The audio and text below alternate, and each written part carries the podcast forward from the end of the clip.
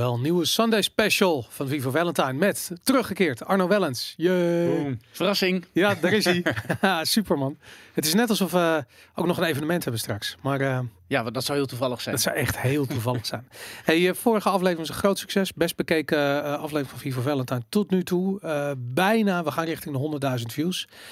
Ehm, eigenlijk niet meer dan logisch dat we door gaan praten over de nachtmerrie die de EU blijkt te zijn. Ja. Ehm, waar wil je beginnen? Mm, laat ik in ieder geval vertellen dat ik... eh, ik heb nu vier voor Vendetta gekeken. Oh, Oh, gefeliciteerd. Ik wist wel dat het... eh, ja, die, die film was met Natalie Portman en eh, dat vooral. Ja, En ehm, ik dacht, nou, ik ga dat een keer kijken of dat een beetje inspirerend is. En? Dat, eh, dus ja, absoluut. Ik vond het een hele mooie film. Ja. remember, remember the 5th of November? Ja, Wat Ja, vond je dat- van het plot? En, dat de, nou, het mooie vond ik inderdaad dat je, je had dus heel veel mensen die zitten in zo'n café of die zitten dan op de bank en die laten het een beetje over zich heen komen. En die denken, ja, het zal allemaal wel meevallen of je gelooft het wel. Of zeg maar, die, die, dat, dat, die, die, die gemakzucht, Ja. dat, dat is het eigenlijk. En ik denk ook dat dat nu gebeurt, dat er heel veel dingen worden ingevoerd die eigenlijk gewoon zeer dubieus zijn. Ja. Zoals die corona-app. En dat mensen denken van, nou, het is ook wel handig, weet je wel.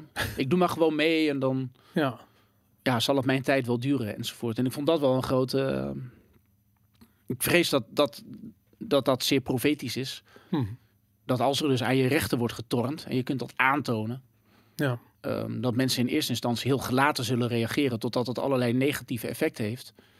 En dan gaan ze terugzoeken en dan denken ze, oh, waar is dat nou fout gegaan? En dan, Ja. ja, want dat vind ik zo fascinerend. Dat heel veel mensen, ik bedoel, heel veel mensen hebben dat tot, nog totaal niet in de gaten. Hoe er aan onze stoel, onze, onze democratische stoelpoten wordt gezaagd. Eh, maar heel veel mensen wel. En die, nou ja, goed, we praten vaak met elkaar erover. En dan is het echt zo van, wanneer is dat nou begonnen? Weet je, ik bedoel, corona leek wel zomaar uit de lucht te komen vallen. Maar de plannen die klaar lagen, inclusief de vaccins en de, ehm, wat was het, het patent op het virus en het patent op een onderdeel van de vaccins, dat was er allemaal al. Dat is heel, ehm, ja, dat is heel bedenkelijk. Als je nou echt gaat kijken, waar is het volgens, volgens jou begonnen? Ik denk dat de, ehm, ik denk dat de discussie over dat verdrag van Lissabon, Mhm. Dus inderdaad, ik heb daar wat dingen over meegenomen. En dan zullen mensen denken, oh, vaag of gaap. Maar het verdrag van Lissabon, dat referendum in 2005. Ja, En eh, dat is eigenlijk de Europese grondwet, de EU-grondwet. En toen is besloten om daar een soort overheid van te maken. Dus tot die tijd, ehm, in ieder geval tot 1992, had je het idee van, nou oké, we hebben al oorlog gevoerd in Europa, moeten we niet meer doen, we gaan handelen. Dus we moeten een aantal eh, instituten hebben die die handel faciliteren. Mhm. Dat is je interne markt. En dat is ook een groot succes, dat zeg ik er meteen bij. Ehm, en daarna is men veel ambitieuzer geworden. En is er gezegd van nee, we gaan een soort United States of Europe worden. ja, Maar de bevolking wilde dat niet. nee. En toen hebben we een politieke elite gehad, die ging vast verder. En daaruit zijn allerlei institutionele gedrochten eh, ontstaan, die allemaal nare dingen doen. Maar jij zegt van in tw- 2005 eh, Lissabon. Eh, ik kan me herinneren dat er eerder een referendum is geweest in Nederland waarbij ook de Europese grondwet vanuit Nederland werd afgekeurd. Nederlanders wilden dat niet. Ja, dat was, dat was dit moment. Oh, dat was dat. Ja, dat was. Het mocht dan niet zo heten. En toen is het het verdrag ter werking van de Europese Unie geworden. Dat was het. En het punt is dat daarvoor, hè, dus een, een, een aantal borgingen, zal ik maar zeggen, het borgen van de, van de liberale waarden van je samenleving, hè, waarbij je democratisch bent en dat een, een autocraat, die kan niet zomaar iets, maar die moet verantwoording afleggen aan een parlement. Dat was daarvoor niet zo. Alleen die Europese Commissie, die ging ook over niet zoveel dingen. Ja. Ja, als jij nu een, eh, een scheerapparaat maakt, hè, die Europese Commissie, is, die Unie is een beetje bedacht door Philips, zal ik maar zeggen, en dat soort bedrijven. Mm. Dus je maakt een scheerapparaat en er zit er een stekker op. En die stekker moet, met die, die pootjes moeten door de hele Europese Unie even groot zijn. Ja. Eh, Ver uit elkaar staan. En of het nou twee of drie centimeter is, dat maakt er niet zoveel uit. Ehm, en dus dan heb je een secretariaat in Brussel, dat is die commissie. En die bepaalt dingetjes en die...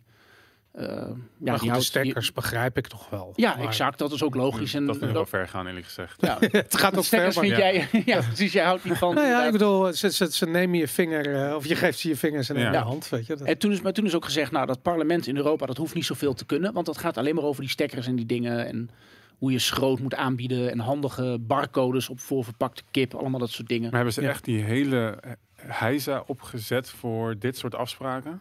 De, nou ja, die, die, nee dus. Want daarna heeft, die, heeft Brussel, om het zo maar te zeggen... eh, heeft wat macht naar zich toegetrokken en heeft gezegd, maar we gaan over veel meer. We gaan over begrotingen, we gaan over hypotheekrente aftrekken, over gezondheidszorg, allemaal apps, Ja. allemaal dat soort dingen. Alleen, eh, ja, ik, misschien kan ik het nu meteen laten zien. Mhm. Ik had een, ehm, dit is gewoon de Nederlandse grondwet, die nou, in ieder geval tot 1982 of tot eh, 2005 gold, maar daarna ook doorging. Eh dus artikel 82 en dan staat er dat de Staten-Generaal die mag een wetsvoorstel indienen. Dus dat betekent eigenlijk dat je zou kunnen zeggen dat een Nederlands parlementariër, direct gekozen door de Nederlandse bevolking, die is het hoogste wat er is. Ja. Ik sprak laatst een bepaalde parlementariër uit Haarlem.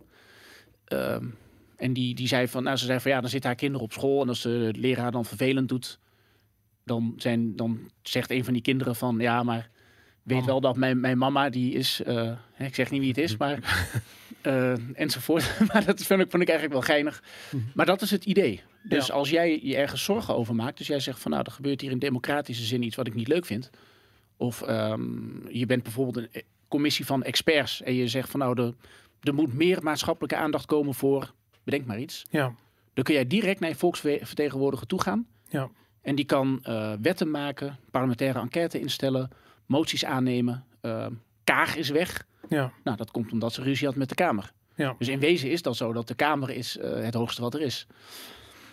Ehm, dat is hoe Nederland werkte. Alleen nu heb je de in dat referendum. Hè, dus toen ging dat over die, die grondwet. Mhm. En in die grondwet staat dit over de macht van een parlement. En daar staat er dat de European Parliament may, may request. Dat is letterlijk wat er staat. Dus wat we net zagen is dat een parlement mag zelf wetten aannemen. Ja. Maar in Brussel mag de Europese Commissie, die heeft het, het, het, dus de uitvoerende macht, dus eigenlijk de koning zal ik maar zeggen, die mag, die mag wetten in, indienen. En die mogen die parlementariërs dan goedkeuren. Dus een parlementariër in Brussel is uiterst zwak. Die kan uit zichzelf niks doen. Een Brusselse parlementariër heeft geen recht van initiatief. En als je van een liberale rechtsstaat houdt, waarbij een burger zijn gekozen volksvertegenwoordiger en daarmee de uitvoerende macht aan zijn jasje kan trekken, dan is dit een draak. Ja, want, Dit, je, dit is een draak van een verdrag.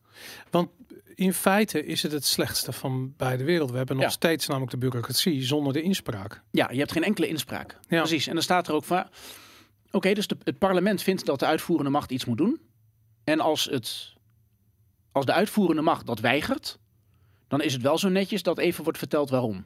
Weet je wat En, ik dit zo- is, de, en dit is gewoon het parlement van Rusland of van, Ja, eh, of van de Duma in Rusland onder de tsaar. Ja. Of de, Het is leuk voor de vorm. ja, Maar wat ik, wat ik me namelijk zo eh, de afgelopen weken eigenlijk zo afvraag, is aan alles, als je naar Rutte kijkt, hè, of als je eigenlijk naar het kabinet kijkt, Mhm. in alles zie je gewoon een dédain voor de, voor de Tweede Kamer, voor, Ja. de, voor het Nederlandse volk. Ehm, voorbeeld Rutte die in Brussel geconfronteerd wordt met Ja. de uithuisplaatsing van 1100 kinderen in die toeslagenaffaire. En hij heeft zoiets van, joh, ik ben nu in Brussel, ik Ja. hou me niet bezig met die futiliteiten. Weet je, zo, zo, het volk. ja, het volk. Maar dat, dat zie je dus eigenlijk hetzelfde met, met Hugo de Jonge, die eigenlijk geen verantwoording wil afleggen over die cijfers. Weet je, zij zegt van ja, de ziekenhuis ligt vol met eh, ongevaccineerde mensen. En iedereen zegt van oké, kom maar met die cijfers dan. Ja. Hij komt niet met de cijfers. Eh, en sterker nog, eh, de motie wordt afgewezen, waardoor hij ook niet met die cijfers hoeft te komen. Nee. En het, het, de, de minachting voor het Nederlandse volk wat daar uitspreekt. Ehm, weet je, een, een demissionair kabinet wat niet weg wil gaan. Weet Nee. je, ik bedoel, een, een nieuw kabinet wat gevormd moet worden, wat niet gebeurt. De totale minachting voor het Nederlands volk kan ik alleen maar ehm, plaatsen als ik me als ik ervan uit zou gaan dat al die mensen verantwoording afleggen, niet aan het Nederlands volk, maar aan iets anders. Aan zichzelf. Ja, of aan, aan Europa. Ja. Zij denken van wij werken voor Europa. Wij werken niet voor het Nederlandse volk, wij werken voor Europa. Ja.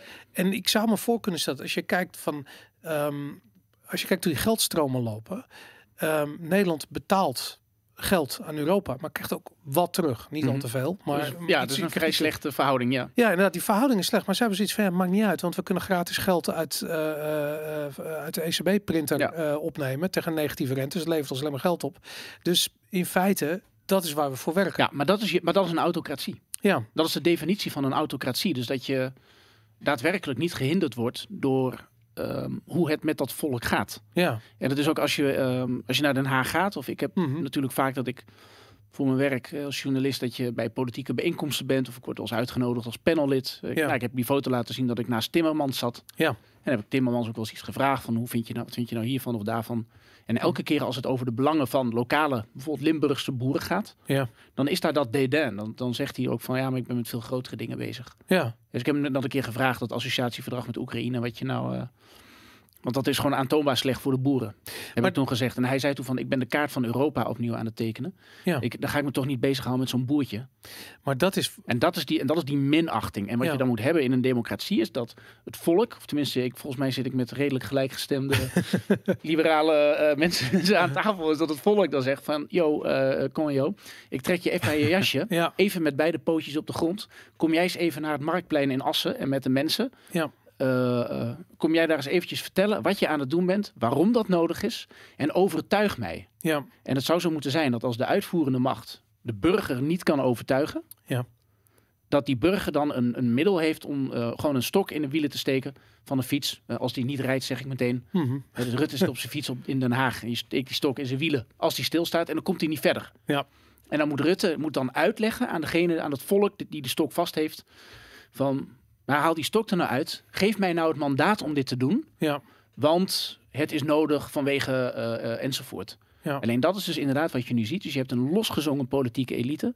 Een, je hebt een uitvoerende macht die zijn eigen wetten eh, maakt. Maar dan heb je het over de EU nu. Ja, Want de grap is wel dat, hoe jij het schetst, zou het moeten zijn in Nederland. Maar zo werkt het nu hier ook niet. nee, maar wat inderdaad, want wat er nu gebeurt is dat, die, dat Nederland vrijwillig, en dat kan ik, ik kan het ook laten zien hoe dat ging met die QR-code, ik heb het hierin zitten, is dat Nederland, en Rutte doet dat, terwijl die demotionair is eh, grotendeels, dan geeft hij macht aan Brussel. Dus hij zegt, hey, Brussel moet dit maar regelen. Ja. Ehm, op het moment dat je dat doet, ver- verhuist een competentie die een overheid heeft, een recht om iets te doen of niet te doen, maar vooral wel te doen. Dat recht dat verhuist naar een jurisdictie, naar een uitvoerende macht, naar een plek waar geen controlend, controlerend parlement is. Ja. En volgens mij ben je dan je democratie aan het afschaffen. Dus het afschaffen van die democratie gaat niet overnight, maar het gaat stapje voor stapje voor stapje. Op een gegeven moment gaat de Tweede Kamer nergens meer over. Nee.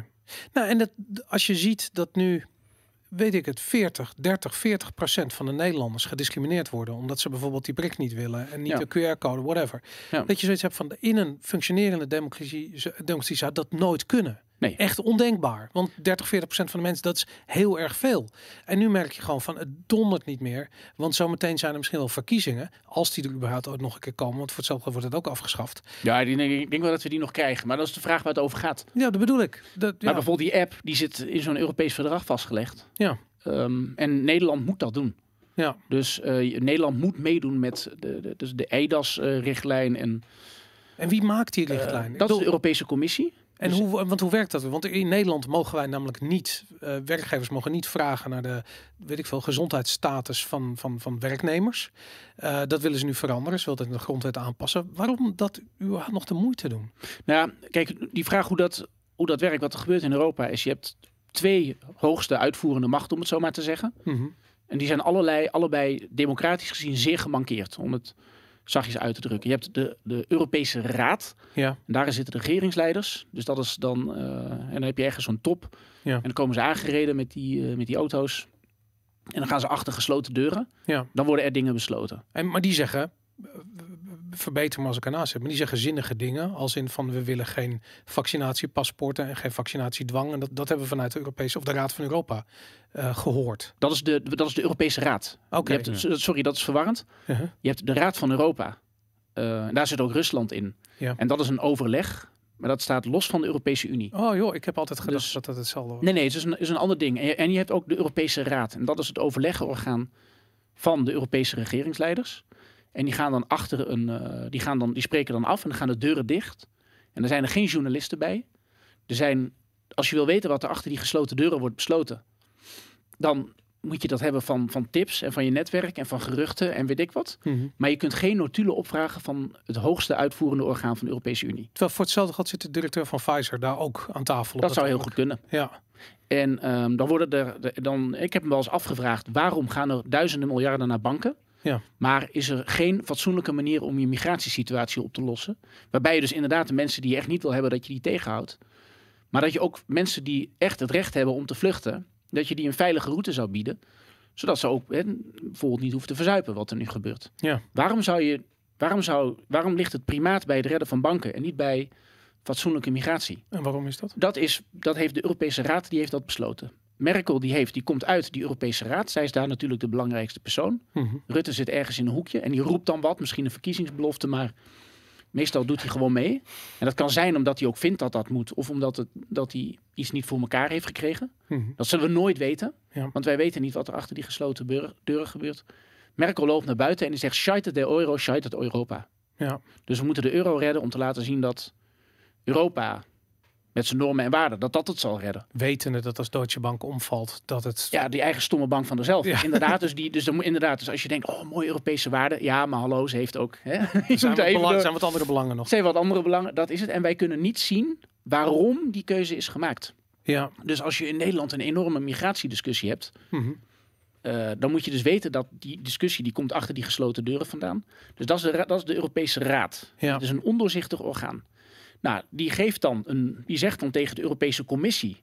En dat zijn die mensen die je dan dagelijks in Brussel ziet. Dat is die Ursula von der Leyen. Ja. Je had die voor, die gozer die altijd zoveel dronk. Die vond ik heel grappig. Die Duitser was dat dan wel. Ja, een Luxemburger was dat. Oh, ja, eh, oké, ja. Ehm, en die krijgt dan een budget om iets te doen of niet. Ja. Dus op een gegeven moment is er gezegd, nou, we gaan een fonds oprichten om banken te redden. Maar die vluchtelingen, die kunnen de, nou, de tyfus krijgen, Ja. bij wijze van spreken. Dus er is dan wel een commissaris van migratie bijvoorbeeld, die dat moet die dat...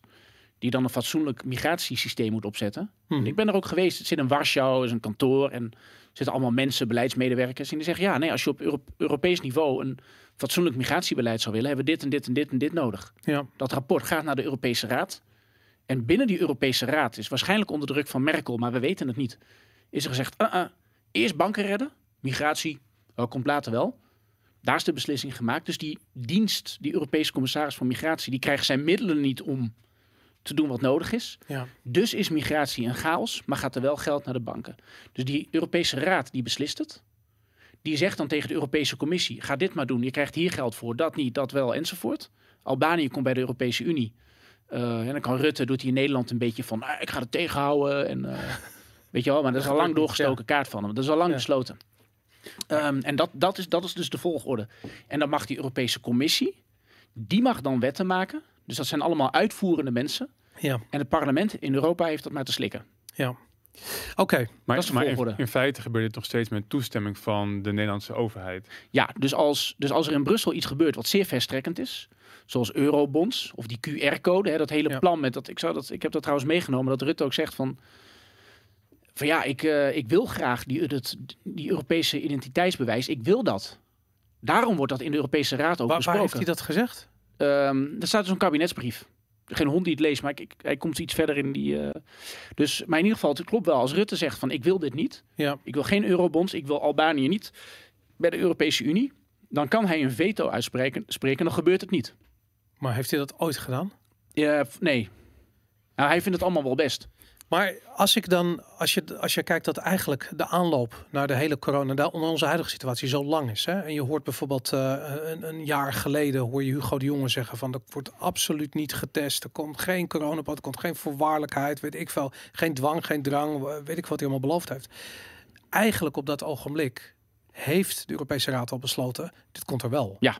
Er komt een QR paspoort, er komt een digitaal paspoort en dit gaan Ja. we er door middel van corona gaan we dit er gewoon doorheen. Ja, dat is de European eh, Identity eh, Wallet. Dus Hugo dan- liegt. Hugo liegt gewoon glashard. Ja. Het staat ook gewoon in die, in die eh, in, in, gewoon in, ka- in kabinetscommunicatie tegen de Kamer, wederom die geen hond leest. Ja. Maar er staat gewoon van Euro Nederland is voorstander en wij zijn zelfs voortrekker in Europa van een gemeenschappelijk Europees identiteitsbewijs. Ja.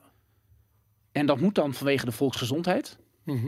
Ehm, zo heet dat, de European Health Union. Ja. Van hey, stel je voor, hè, wij Europeanen, zo wordt het dan opgeschreven. Wij Europeanen, wij reizen graag.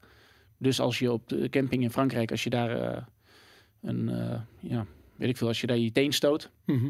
dan moet je naar de dokter kunnen. En als je dan buiten Westen valt, dan eh, moet de dokter, die moet bij jouw elektronisch patiëntendossier kunnen. Ja, dat dus is dus heel handig als, dat, als die systemen koppelbaar zijn. Alleen dan is punt twee, en dat is natuurlijk heel logisch, is dat als, hè, nou oké, dankjewel Europese Commissie, dat jullie dat doen als ik op de camping zit. Ja. Hè, jullie denken mee, jullie doen iets wat leuk en praktisch is voor ons. Mhm. Alleen ja, de volgende stap is dat wel duidelijk moet zijn wie ik ben. Dus je moet dat persoon aan dat dossier kunnen koppelen. Ja. En dan maak je eigenlijk dus al een Europees identiteitsbewijs dat digitaal is. Ja. En dan heb je dus een Europese Commissie, een regering, een uitvoerende macht zonder parlement, die zich ongevraagd met paspoorten uitgeven gaat Dat bemoeien. is ongelooflijk. En dan word je dus een soort overheid. Maar ehm, we hebben dit vorige keer al besproken. Nog even samenvattend. Die central bank digital currency, eh, waar de ECB mee bezig is, waar ze zeggen nog Ja. vier jaar voor nodig te hebben. Die kan alleen maar slagen op het moment dat er een digitale portemonnee Ja. is waar ook je ID in zit. En we dus waarschijnlijk een soort social credit score. Want Ja. als je toch aan het bouwen bent, waarom niet? Dit is allemaal al besloten. Ja. Ja, dat is bizar. Nou goed, eh, eventjes om het zwart-wit te krijgen. Er wordt tegen ons gelogen eh, over het uitrollen van dit autocratische systeem. Ja. Dat is eigenlijk is er al.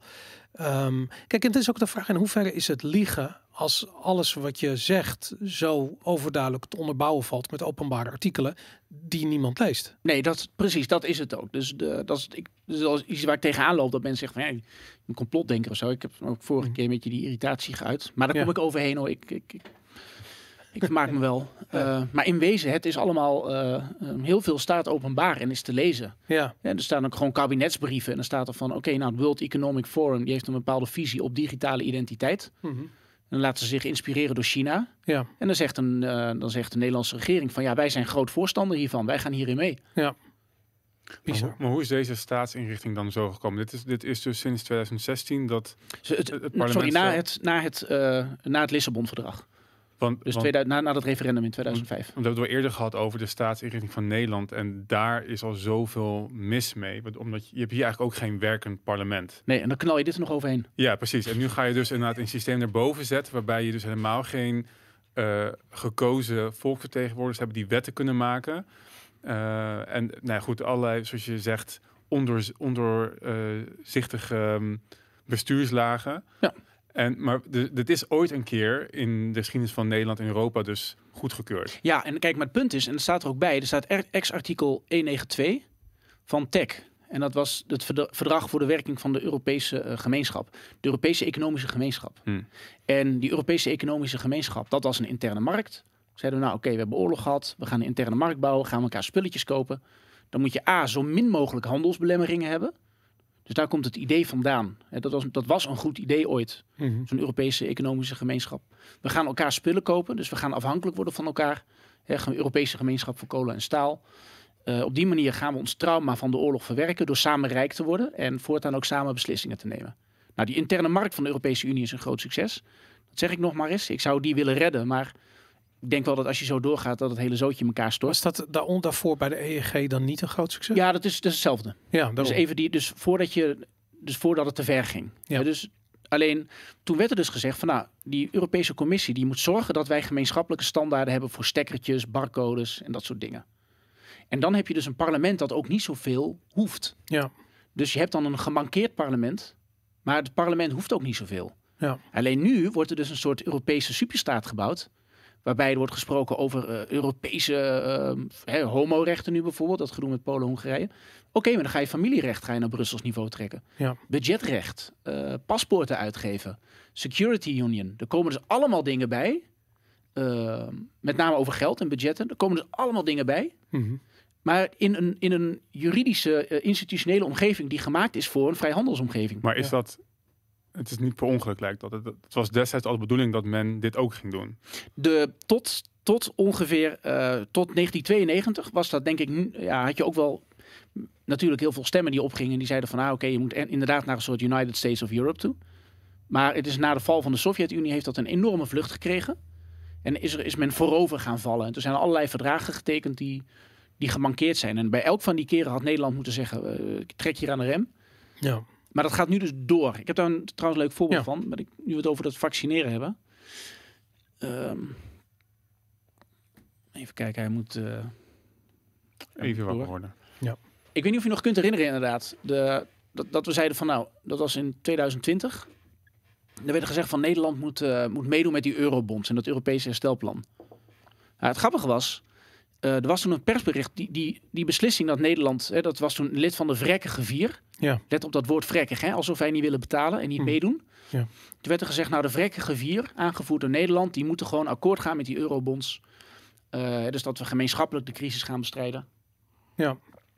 En ehm, het stomme is, als je gewoon, maar dat, dat- die beslissing is in juli genomen, als je het nog kunt herinneren. Moet je maar eens gewoon terugzoeken in het nieuws. Juli Ja. 2020 boog Nederland. Maar als je gewoon dit persbericht van de Europese Commissie pakt, 4 juni 2020, ja. op 4 juni 2020. Ja. En er staat eronder, er staat er van, nou, we hebben een plan. We willen Gavi, de Vaccine Alliance, dat is een of andere internationale wereldwijde club. Die willen graag eh, ziektes uitroeien door middel van eh, ja, vaccinatie.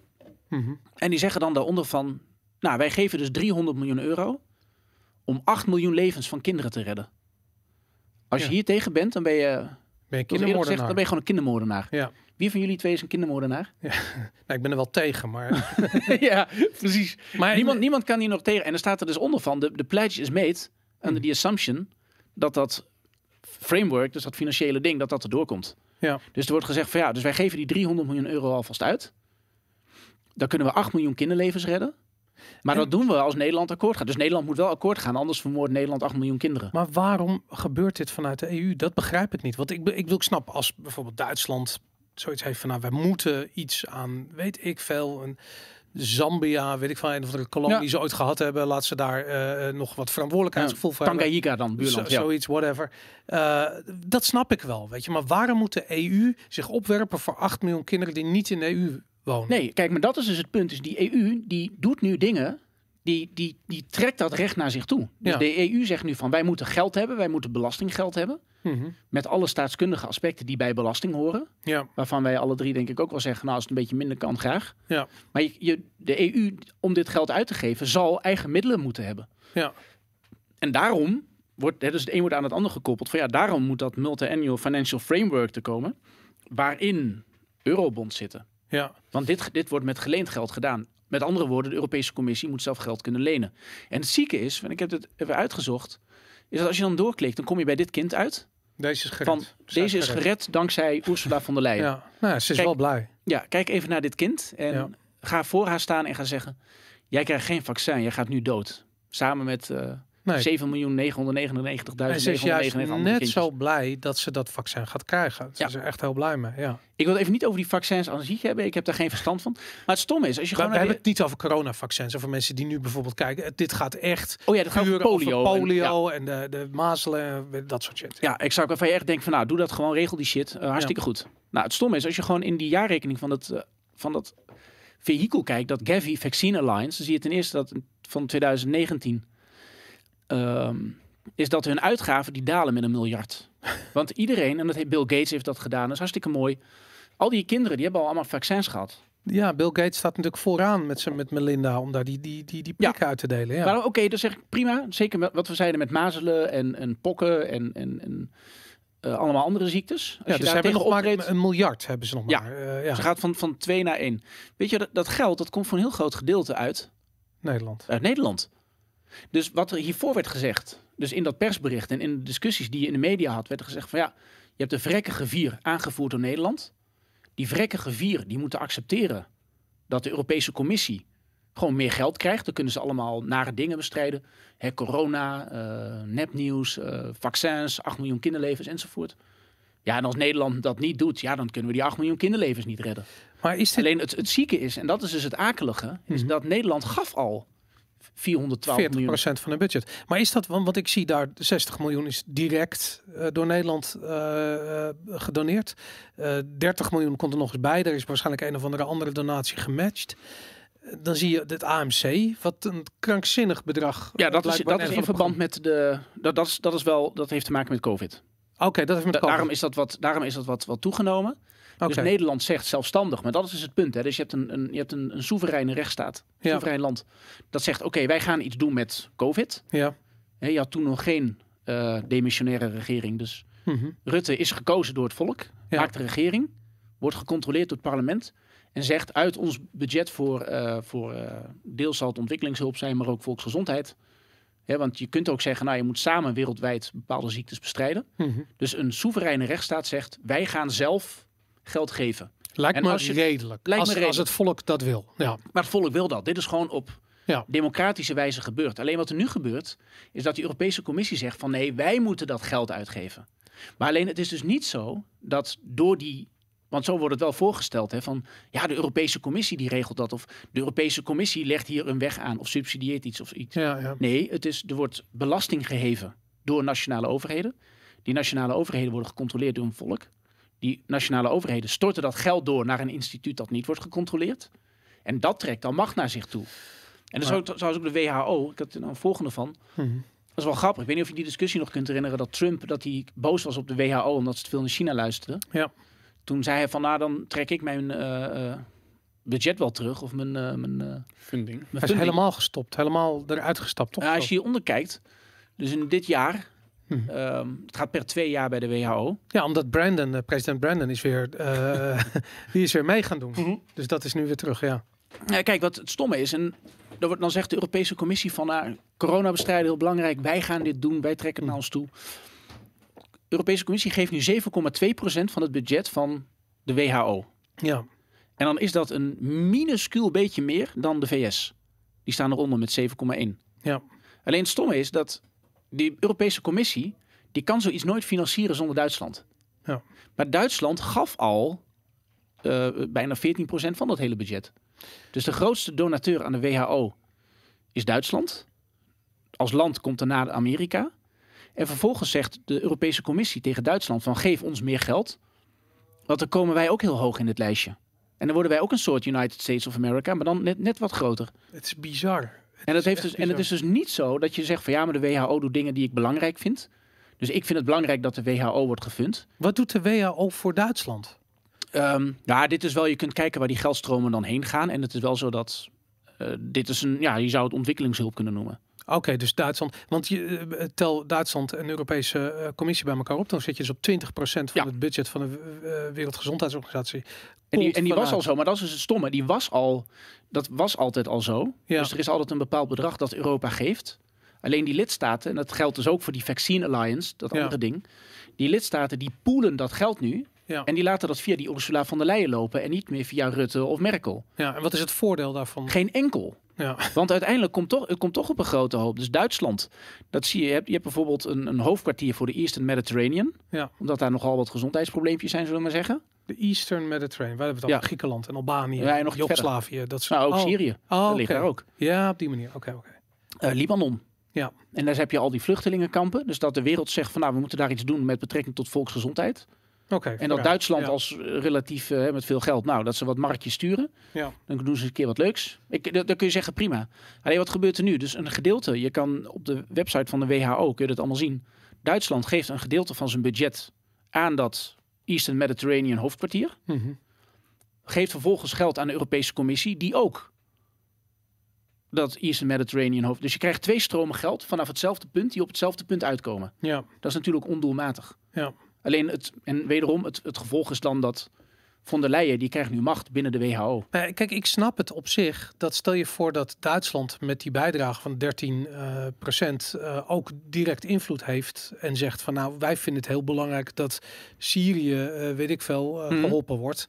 Ik kan me voorstellen dat je die directe invloed koopt als je direct doneert. Ja, zo, de ma- geld is macht. Zoals Bill en Melinda Gates doen met hun eh Precies. 11% Ja, en ook daarom. nog investeren in vaccinbedrijven. Want Bill en Melinda Gates zeggen tegen de WHO van luister, het is wel belangrijk dat als je dan gaat vaccineren, dat je dat wel doet met de producten van deze prachtige bedrijven waar toevallig heel veel aandelen in Ja, ik denk, de- Bill en Melinda Gates, die zijn natuurlijk wel... eh, ehm, daar wordt van alles over gezegd en geschreven, maar ik wil wel de mogelijkheid toch echt open houden dat ze dingen uit eh, filantropische overwegingen doen.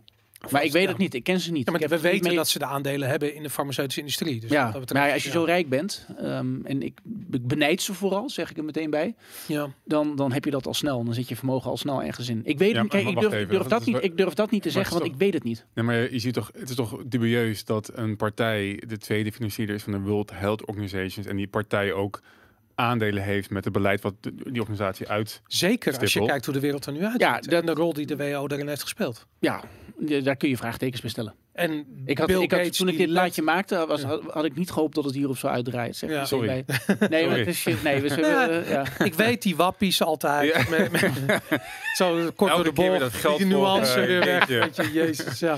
Nee, maar dan, dan, moet ik iets, dan moet ik iets hebben waarvan ik weet van, nou oké, je ziet dat zij een bepaald belang hebben. En ik zie het punt, ik zie het risico van belangenverstrengeling. Ik zou Uh-huh. vanuit libertaire oogpunt ook wel willen zeggen dat het moet kunnen dat je veel geld verdient en dat je dan naar eigen inzicht aan uh, Ja, Ja, nee, maar het gaat meer om besteedt. Maar belangenverstrengeling inderdaad. Dat is hier volgens mij gewoon een ding. ja. ik, dan, ik, zou dat, ik zou graag ja willen zeggen, misschien. Maar dan moet ik wel iets kunnen bewijzen. Dan moet ik wel ja dat kunnen staat niet in het Maar pdf. wat moet je dan bewijzen? dat, dat, dat, ze, dat, dat ze iemand hebben beïnvloed om eh, dat ze A hebben beïnvloed om B. eh dan moet ik een mail hebben of een bankafschrift. Of als je een journalistiek verhaal Maar van wil maken, je, dat, ze, dat ze wat hebben moeten... Want dat, ze, dat ze bijvoorbeeld een bepaalde eh, eh, beslissing hebben gestuurd. Ze hebben 40 miljoen pond aan de BBC uitgegeven. En ehm, daarin zegt de BBC zelf, iemand die erover uit eh, naar buiten is gekomen, die zegt van dat heeft te maken met het COVID-narratief. Oké, ik heb dit niet. eh, stuur me dit door. Ja, oké. We gaan die me keer mee. hebben. Ja, Absoluut, absoluut. absoluut. Ja. Ik zal me dan in verdiepen. Maar ehm, ik heb nog geen. Ik zeg altijd van je moet een smoking gun hebben. ja, snap ik. Ja. Ook, ook, is- als, dus- ook als je iets voor 90% hebt bewezen, bij wijze van spreken. Als Ja. er, misschien ergens mee Het is bezig ben. dubieus, maar in de rechtszaak was het geen veroordeling. Exact, Ja, ik precies. ben ik ja. met je eens. Ja. Maar dit, wil ik, dit wilde ik als voorbeeld laten zien. Dat, dat is die Europese Commissie, die wordt gewoon eh, Ja. Een, beetje, een beetje gehyped. Maar, Dat- en maar dat- met, ja. welk, met welk doel allemaal? Want de cijfers en de, en de regelingen en alles vliegen ons om de oren. En Borreltje vroeg net van ja, met, met welk doel doet de Europese Unie dit? En jij zegt van ja, om meer macht en geld naar zich toe te trekken. Maar dat Sowieso, is hier niet is, het, hier is maar dat- prestige. maar dat Dit is niet het einddoel. Dat is niet het einddoel. Van Jawel, het einddoel, het einddoel hier is dat, dat je een Europese regering krijgt. Dus Ursula von der Leyen, die moet net zo machtig zijn. En ze zijn nog altijd bezig met Donald Trump. Ja. Ook in media en dingen, dat, dat zie je dat zo van, hè, nou, Donald Trump, dat is dan een nare man. En Ursula von der Leyen, dat is dan president van Europa. Ja. Een soort Merkel-kloon is het. Alleen het stomme is dat die Europese Unie, Mhm. die heeft geen Europese identiteit. Nee. Hè, ik, ik voel me niet zo verbonden met iemand uit Griekenland als uit Groningen. Dus Heb je daar hard bewijs van? Eh, ja, absoluut. Je kunt er zeker wel. Nee, zeker. ja, maar- ja, absoluut. eh, ja, absoluut. Maar hier dus wel. Als ik iets zeg, kan ik het bewijzen. Bij elke zin. Ja, nee, heel belangrijk. Ik vind, ik vind dat belangrijk. Maar dat is wat hier gebeurt. Dus je hebt een politieke elite die zichzelf heeft losgezongen van wat er op straat gebeurt. Hier in Amsterdam-Noord bijvoorbeeld. Ja. En die zegt van nou, wij gaan dit bouwen. Wij gaan dat doen. Wij gaan zus, wij gaan zo. Ja. Wij willen geen gezeur hebben van burgers. Ja. Dankzij dat Europees verdrag biedt dat de mogelijkheid. Hè, als je dan Ja, want Rutte liegt hier wat. En uiteindelijk gaat het het gewoon door. uit. Hij gaat gewoon naar Brussel. Het gaat Hem gewoon schelen. door, Ja, ja. daarom. Ja. Dat is het. Dus Ja. dat is wat hier gebeurt. En die Ursula von der Leyen die ziet zichzelf ook gewoon als de president van Europa. ja. En nu staat zij dus gewoon naast, sterker nog, ze staat een piep, piep, piep klein beetje boven eh, Joe Biden. Hierin, want Joe Biden is nu natuurlijk de... Cognitief gesproken. Nou ja, als je, dit, als je dit staatje kijkt en je zegt... Oh, op nou, die manier. zijn Ja, de- ja, ja, nee, Monetair. Ja. Hier bij de We- Wereldgezondheidsorganisatie. Ja, Ja, tuurlijk. Ja, absoluut. ja, absoluut. Oké. En ook in volgorde van wanneer iemand mag spreken of weet ik wat. Op dat soort forums is dat allemaal van belang. Ja. Maar zien zij dan Maar dit, met doelmatigheid heeft het niets te maken, want het had gewoon via de begroting van Duitsland en van Nederland. En, Ja, maar goed, oké, we zijn daar aangekomen. We, we leven nu dus inderdaad in deze bureaucratische nachtmerrie, waarbij landen individueel nog wel geld uitgeven, maar dat wordt teruggeschroefd en teruggeschroefd en teruggeschroefd. Sterker nog, dat wordt ook door Europa op aangestuurd om dat te stoppen. Ja, uiteindelijk, maar Europa wil, een, wil een, de Europese Commissie, dat is ook logisch, Mhm. die wil een zo groot mogelijk budget. En die vindt ook dat zij over dingen moeten gaan. Ja. Dus als je Frans Timmermans vraagt van, goh, moet jij over onderwerp X, Y, Z, moet jij er ook over gaan? Zal die altijd ja zeggen. Ja.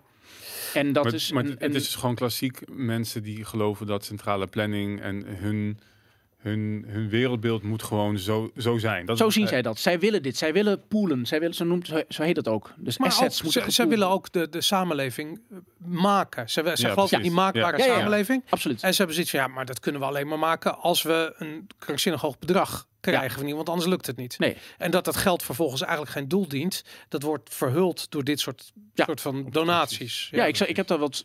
Ik heb daar nog een mooi voorbeeld van. Dat is een leuk, leuk bruggetje, maar die die kon je niet weten. Maar ehm, kun je nog herinneren dat er werd gezegd: we moeten Italië helpen?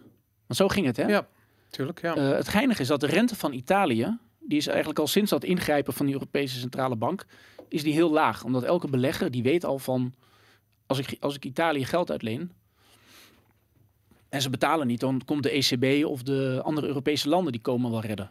Ja. Nou, toen kreeg je die coronapaniek. in januari 2020, helemaal hier rechts. Mhm. En toen daalde de rente van Italië, die, die steeg nauwelijks. Ja. Dus je zou je ook kunnen voorstellen van, hé, hey, eh, recessie, eh, onduidelijk, onzekerheid. Alleen die rente, die zweeft altijd bij de 1%. Dus stel dat Italië zegt, wij willen 10 miljard euro op de kapitaalmarkt lenen. Eh, dan kunnen ze dat tegen 1% doen. Bizar. Omdat, omdat andere overheden en de ECB, die hebben al massaal ingegrepen. Dus je kunt je afvragen of ze dat hadden moeten doen, maar dat even tezijde. Het punt is dat toen de coronacrisis uitbrak, dat, eh, dat Italië budgetair geen enkel probleem had. Ik- en wat, ja, We, we, we hebben het over de eurobonds gehad natuurlijk vorige keer ook. En ik heb aan de die zaten kant, eraan te komen. die zaten eraan te komen en die zijn ontzettend naar. Maar aan de andere kant, dit is eigenlijk een soort schemerfase tussen de situatie zoals die was en de eurobonds. Want het risico wordt nu gedragen door de Noord-Europese landen. Ja. Waardoor je ziet dat de eh, rente in Italië laag is. Ja. En eigenlijk er sprake is van eurobonds. Je hebt, exact, die heb je dus al. Dus Ja, Alleen, daar kun je, je kunt daar wat van vinden. Maar toen die coronapaniek uitbrak en toen zag je in Italië al die verplegers het heel moeilijk hebben op, in die ziekenhuizen. Mhm. Nou, ik ben dan ook iemand, ik zeg dan van nou, dan moet je helpen. ja. Maar was niet nodig, want Italië had toen gewoon geld kunnen lenen. tegen 1%. Maar omdat, omdat je eigenlijk al eurobonds had. Omdat in die zin... Ja, Dus dus je, je hebt al geholpen. Dus je kunt dan zeggen, oeh, eh, virus, dan gaan mensen dood. Ze vallen dood neer op straat. En nou, in China wel, maar hier dan niet. Maar goed, Ja. je had die acute panieksituatie. Ja. En toen is er gezegd, nou, dan moet dat coronafonds te komen. Ik vind het wel grappig dat al die individuele onder, onderwerpen, en net als met die eurobonds, ik denk van ja, in feite, als stel dat de eh, EU een volledig transparant democratisch systeem zou zijn, dan zijn eurobonds, ja, waarom niet, weet je? Exact, dat vind ik ook. Maar dan, dan moet je dus wel de situatie hebben dat een Europarlementariër recht van initiatief heeft en zelfstandig een onderzoek kan starten. Ja. Dus als je, een, als je een Nederlandse journalist hebt die ontwaart een misstand, Ja. kan dan met een Kamerlid spreken en dan kan het Kamerlid aan de slag. Ja, want op dit En ogenblik, in Brussel kan dat dus niet. Maar dan moet het ook niet zo'n budget hebben. want op dit ogenblik, de ECB koopt de eh, eh, eigen obligaties op, ehm, heeft daarmee een oneindig budget eigenlijk. Ja, eh, valt niet democratisch te controleren. nee. Ehm, als zij besluiten morgen een EU-leger eh, te beginnen, of uit de grond te stampen, of Ja, dan is het- elkaar te vegen. Dus het geldt er wel, maar de mensen niet. Nee, dat, dat, ja, ja, die nou, willen dat niet. ja, maar goed, aan de andere kant, die worden nu, ja. iedereen die een beetje de andere anders denkt, die wordt nu alvast buitenspel gezet Ja. met die, met die, met die coronapaspoorten. Ja, dat, dat zou je, ja, dan zou je kunnen zeggen, nee, je krijgt een eh, belastingkorting als je de... Ja, eh, Dat, dat, dat, vind ik, dat vind ik wel het griezelig aan zo'n eh, aan die digitale wallet. Nee, even kort hierover. Wat ik hier wou, wat ik hier wou noemen is dat... Je had toen die discussie, je weet het nog, dat we zeiden... we moeten Italië helpen, want ze hebben geen geld. Ja. Anders gaan die mensen dood in Ja. die ziekenhuizen. Ja. Solidariteit, de vrekkige vier, die willen niet. Wat een eikels. Ja. Ze maken ook nog 8 miljoen kindertjes in Afrika dood. Ja. Nou, toen heeft, is Nederland overstag gegaan. Er is niemand die vervolgens kijkt wat er met dat geld gebeurt. Ja. Van dat coronafonds. En ik heb dat dus opgezocht, maar ik heb het al eens eerder genoemd. 300 miljard, toch? Als ik me Eh, de 200. 200 miljard ook. En dat salute, dat is gezondheidszorg. Daar is 9 miljard heen gegaan en de rest gaat naar eh, gendergelijkheid. Niet alles, toch? Ja, die- dat is, die, dat, is het, eh, dat, dat sociale kopje, dat is 17 miljard. Dat is de gendergelijkheid. Ja, en dan heb je dus de groene revolutie van Frans Timmermans. Daar gaat dus 74 miljard heen. Jesus Christ. En nou snap ik wel, als je, dan wordt er gezegd, jij hebt complotdenkers en de wappies. Mhm. Maar ik snap die wappies wel. Natuurlijk. Want die zeggen, die zeggen corona wordt gebruikt voor iets anders. Ja. En letterlijk, en strikt genomen hebben ze gelijk. Ja. Want als je zegt, er is een probleem met volksgezondheid. Waarom investeer je dan niet in zorg? Ja. Waarom gaat 5% van dat hele fonds gaat naar zorg, 95% naar iets anders? En Nou, dit dan is wordt het antwoord. Dit, is het wel antwoord. Dit is je gun. bewijs. Dit is je smoking gun. Want dit is waarom de zorg eh, geen geld krijgt, maar de QR-code eh, Wel. een miljard. Ja, want er is want geen die gaat bij de groene, eh, die komt uit dat potje. Exact. Daar ga je klimaatmaatregelen. En waarom, is dit, waarom staat het niet op de voorpagina van de FD of zo? dat vraag ik me ook af. En, en follow the money. Ik bedoel, daar heb je zelf gezeten. Ja, de, kijk, je raakt nu. Kijk, de, men- de mensen die groot voorstander zijn van een Europees narratief, van, een, dus van de United States of Europe, Ja, zeg maar de, de standaard D66-stemmer. ja. En ik ga nu geen vrienden maken, maar dat interesseert me geen bied. De gemiddelde journalist stemt op D66, PvdA of GroenLinks. Ja. Eigenlijk bijna allemaal. En die vinden En dit die allemaal vinden dit eigenlijk wel prachtig. Ja. Die zeggen, ja, maar die groene transitie, Ja. Eh, en handig zo'n QR-code en dat soort dingen. Die vinden dat wel mooi. Ja. Dus die gaan dan niet schrijven wat, wat niet binnen hun eigen eh, politieke voorkeur past. Ja. En daarom doen ze dit. Kijk, je kunt van mij ook zeggen dat ik best wel naar één kant leun. eh, dat ik hier kritisch over ben. Maar ik, ik ja. doe dat wel omdat ik weet dat, dat, dat mijn vakgenoten, die zijn bijna exclusief. Ja. Hè, als, als, als, ik, als ik ergens een, een, een meeting heb en er zijn andere journalisten en, en politici, weet ik wat, en Frans Timmermans komt binnen. En hij heeft een soort lakai die hem dan aankondigt. Ja. Ladies and gentlemen, the first vice president. En dan moet iedereen klappen en dan Uh-huh. komt Frans Timmermans binnen om het, om het eh, buffet leeg te, te, te verschuinen.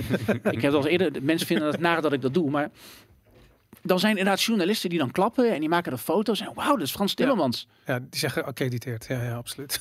Dat is zo. En Dat dat, is die, precies, ja. dat is het. Dan krijg je de, geaccrediteerde. En zij, dus het is ook geen dictatuur of een staatsgreep.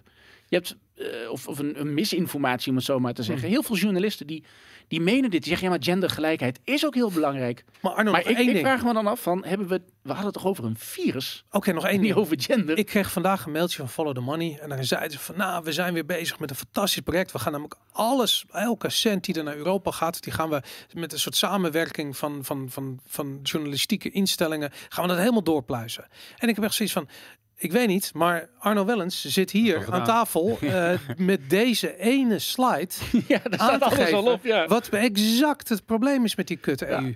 En dat En is... ex- exact, maar je, je Ja. ziet het al. Maar dan inderdaad, dat is het punt. Dan, dan, dan zou je, maar eigenlijk zou je dus gewoon wat meer basale vragen moeten stellen. En als, als het volk, hè, de demos, die hoort bij de, hè, bij de, bij de democratie, bij de Ja. Europese democratie. Als die, die wens om te betalen, als Ja. die er niet is, moet je dat hele ding niet gewoon afbreken. Ja. En dan, ga, dan kom je op een, of dat je, wat ik zou willen, ik zou weer terug willen naar die interne markt. Maar, En, maar dat, is, en dat is een punt, dan kom je bij een, een politiek standpunt. Ja. Dat heel veel journalisten, en ook bijvoorbeeld journalisten die Europees recht hebben gestudeerd, ja. als je die conclusie zou trekken, Mhm. dan zou je dat hele, dan zou het heel Europees recht zou dan niet eens meer bestaan. ja, precies Dus dan- wat, dan- al zegt. Ja, dan, dan, dan, dan schraven ze aan hun eigen Ja. eh, hele uh, Ausbildung. En dat gaan die journalisten niet doen. Dat maar het- is een hele generatie mee opgegroeid inmiddels. 17 jaar, bij wijze van spreken. ja, en die zijn allemaal, ja, ik zou niet willen zeggen geïndoctrineerd, maar dat is de, Nou, Ja, oké, dankjewel. Ja, ik zit hier. eh, hier, hier mag ik dat zeggen, maar dit, Ja. is, dit is wat er is gebeurd. En ik, ik, ik, het laatste feestje, dus dat ik. ehm, ik was bij een bepaalde politicus die heel druk is. Ehm, dat zijn er niet veel. nee, ja, het is, en, die, en die wil ook niet met QR-codes in de horeca en dat soort dingen. Oh, ik kan een beetje raden wie het is, maar Ja, eh, een beetje een rare gozer, maar ik mag hem. Ik Ja, hou van die gozer. En die- piano's. En, eh, ja, die, absoluut. En die. ehm, en dat was nou, een chaos, jongen. En dat was een rustig hoekje. Oké, En daar zaten de mensen die eh, ja, beheerst zijn. En, en hij heeft een econometrist als buurman. Dus op een gegeven moment zat ik daar al vrij snel mee. oké. En ik, ik ben ergens tegenaan gelopen. En hij vond dat ook. Maar hij is zijn een beetje aan het rekenen geslagen in die chaos van het feestje. Hm. Erg gezellig feestje. Dank jullie wel dat ik ben uitgenodigd. Toen hebben gezegd, stel je voor dat je elke zorggeld... Want het gaat toch allemaal om de zorggelden? Ja. Kennelijk niet. Het gaat om gaat gendergelijkheid, groene, digitaal en, apps en dat soort dingen. Maar goed, waarom geef je niet elke zorggeld 100.000 piek? Ja. Zeggen we, bedankt voor je diensten. Mhm. Dan maak je dat beroep aantrekkelijker. Dan gaan meer mensen in de zorg werken. Wat ik Als veel- salaris, niet als in eenmalige uitkering. Ja, doe het hoe je het wil. Ja, maar dan gaan, komen ze niet meer terug. De, Maar goed, oké. dan doe je het in. Maak er iets, maak er iets moois. Doe het over drie jaar voorwaardelijk. Prachtige salarisval. Gewoon even, maar gewoon even een ton per zorggeld. Zeg, Ja. zorggelden. Wij klappen voor jullie. Ja. Dus we zeggen nu, we klappen voor je en je verzuipt en we rammen ook nog die tuinslang in je bek. Ja. Dat is wat we nu doen. Uh-huh. Want door al, die, al deze plannen, dat bijdrukken van geld, Mhm. dat moet gedaan worden om dit te doen. Ja. Dat zorgt voor inflatie, mm, ontwaarding Ja. van, van, van, van je salaris. Hè. De vastgoedprijzen stijgen, Ja. huizenprijzen gaan door dak. Mhm. De zorggelden, om wie alles te doen was, die zijn er in reële zin op achteruit gegaan. Ja. Dat is dan normaal. Maar ik, ik had het toen met die econometrist erover. Ik zei, stel je dat je dat zou doen. Dus die krijgen gewoon 100.000 piek. En dan gaan ze dat ook uitgeven, maar ook binnenlands. Ja. Dus dan blijft het grootste gedeelte blijft toch wel intern. Helemaal als ze niet mogen reizen. Ja. Maar dan had ik het nog gesnapt. Als je zou zeggen, nou, we doen iets voor die zorggelden. Want die komen niet rond. En het is om die zorggelden te doen. Mhm. Stom woord, maar ik gebruik het maar even. Ja. Even op zijn Hugo de Jongens. En het heeft neveneffecten. Ja. Dan zou je kunnen zeggen, ja, ik vind dat acceptabel. Alleen, de zorgheld is niet eens meer een neveneffect. Ja. Alles wat er gebeurt hieromheen heeft tot gevolg gehad dat de zorgheld er in reële zin op achteruit gaat. Mhm. Daarom verlaten ze dat vak. En daarom gaan wij nu de winter in met minder IC-bedden Ja.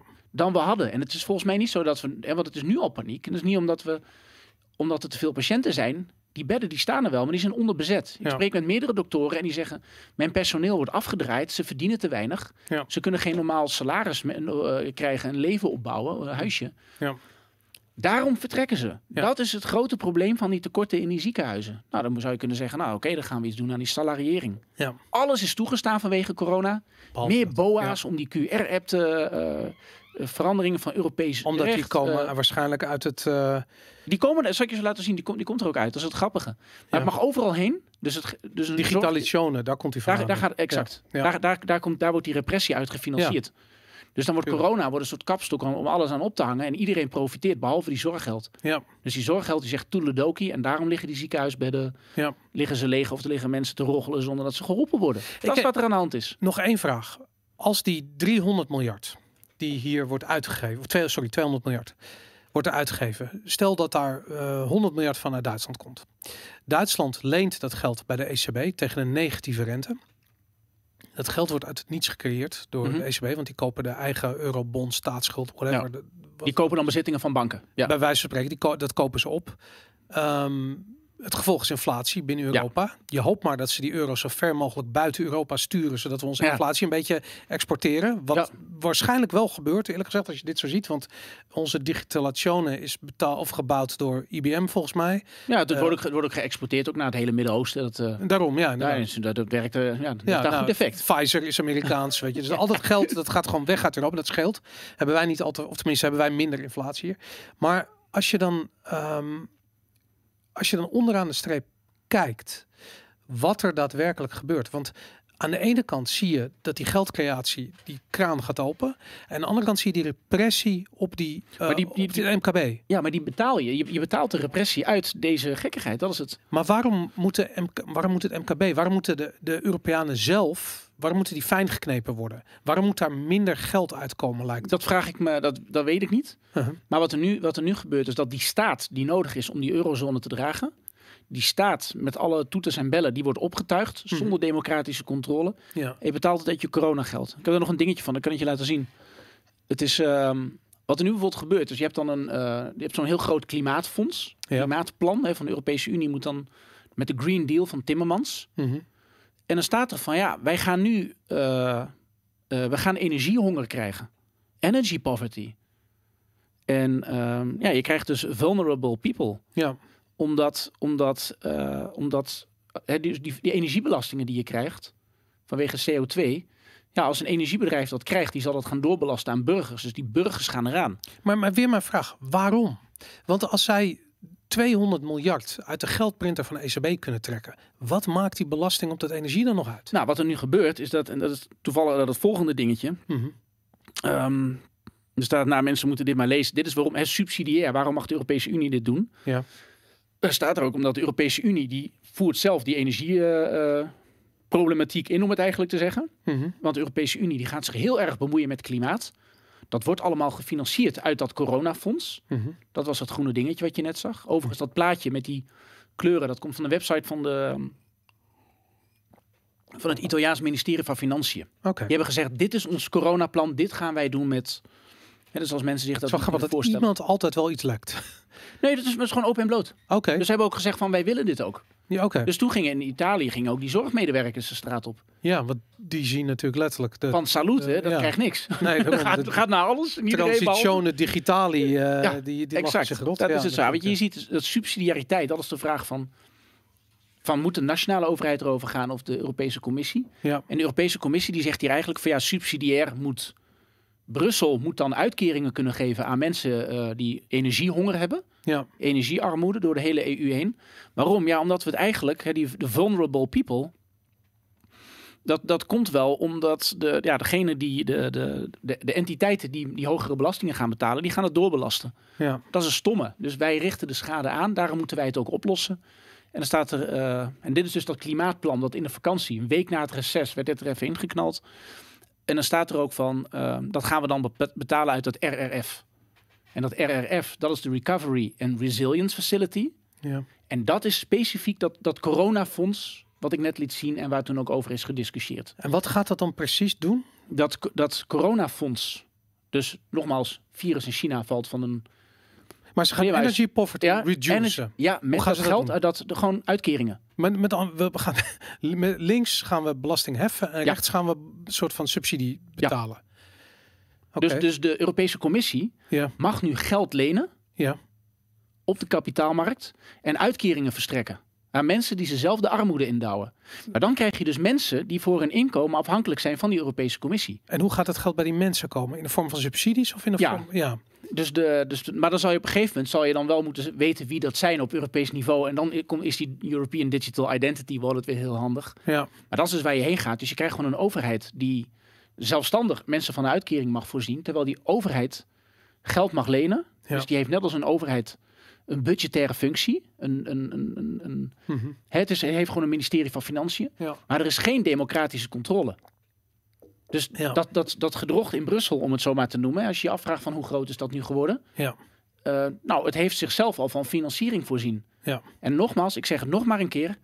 De, door al deze fratsen, want dit bijdrukken van geld enzovoort, dat gaat natuurlijk wel degelijk van de koopkracht van mensen. mhm, Dit, dit wordt betaald door de zorggelden voor wie het zogenaamd allemaal te doen was. ja, Want nogmaals, die zorggelden, die gaan door al die fratsen, ze gaan er in reële zin op achteruit. En het enige gevolg is dat die Europese Commissie nu meer geld heeft, meer budget. En die mag allemaal dingen doen die ze eerst niet mochten. ja, En mensen pikken dit, die zeggen ja, nee, ja, ja, corona, nee, dan moeten we iets met het klimaat doen. En ja, nee, dan, dan worden mensen eh, energy poor. Ja, dan moet je ze een uitkering geven enzovoort. En dit, Misschien, misschien loop ik een beetje vooruit op wat je gaat zeggen. Maar als je, ehm, wij betalen 23 miljard in acht jaar aan Ja. het coronafonds Ja. mee. Eh, we krijgen 6 miljard terug. Ja. Die 6 miljard voor, is bedoeld onder andere voor die QR-code. 1 voor miljard die voor, die gekkigheid, ja. Voor al die gekkigheid. Want die zorggelden, die krijgen dat dus niet, hè? Maar, maar er, dat geld is dus al uitgegeven. Dus we hebben nu bijvoorbeeld al een miljard uitgegeven. Dat moet nog terugkomen via Brussel. Maar Brussel heeft, stelt voorwaarden, die overigens niets met gezondheid te maken hebben, Dus aan het je terugbetalen van die bedragen. Exact, dus je moet je hypotheekrente aftrekken. Maar je gaat steeds verder met die strop om je nek. Exact, want, want dat is, ik vind ook dat Nederland dat geld moet weigeren.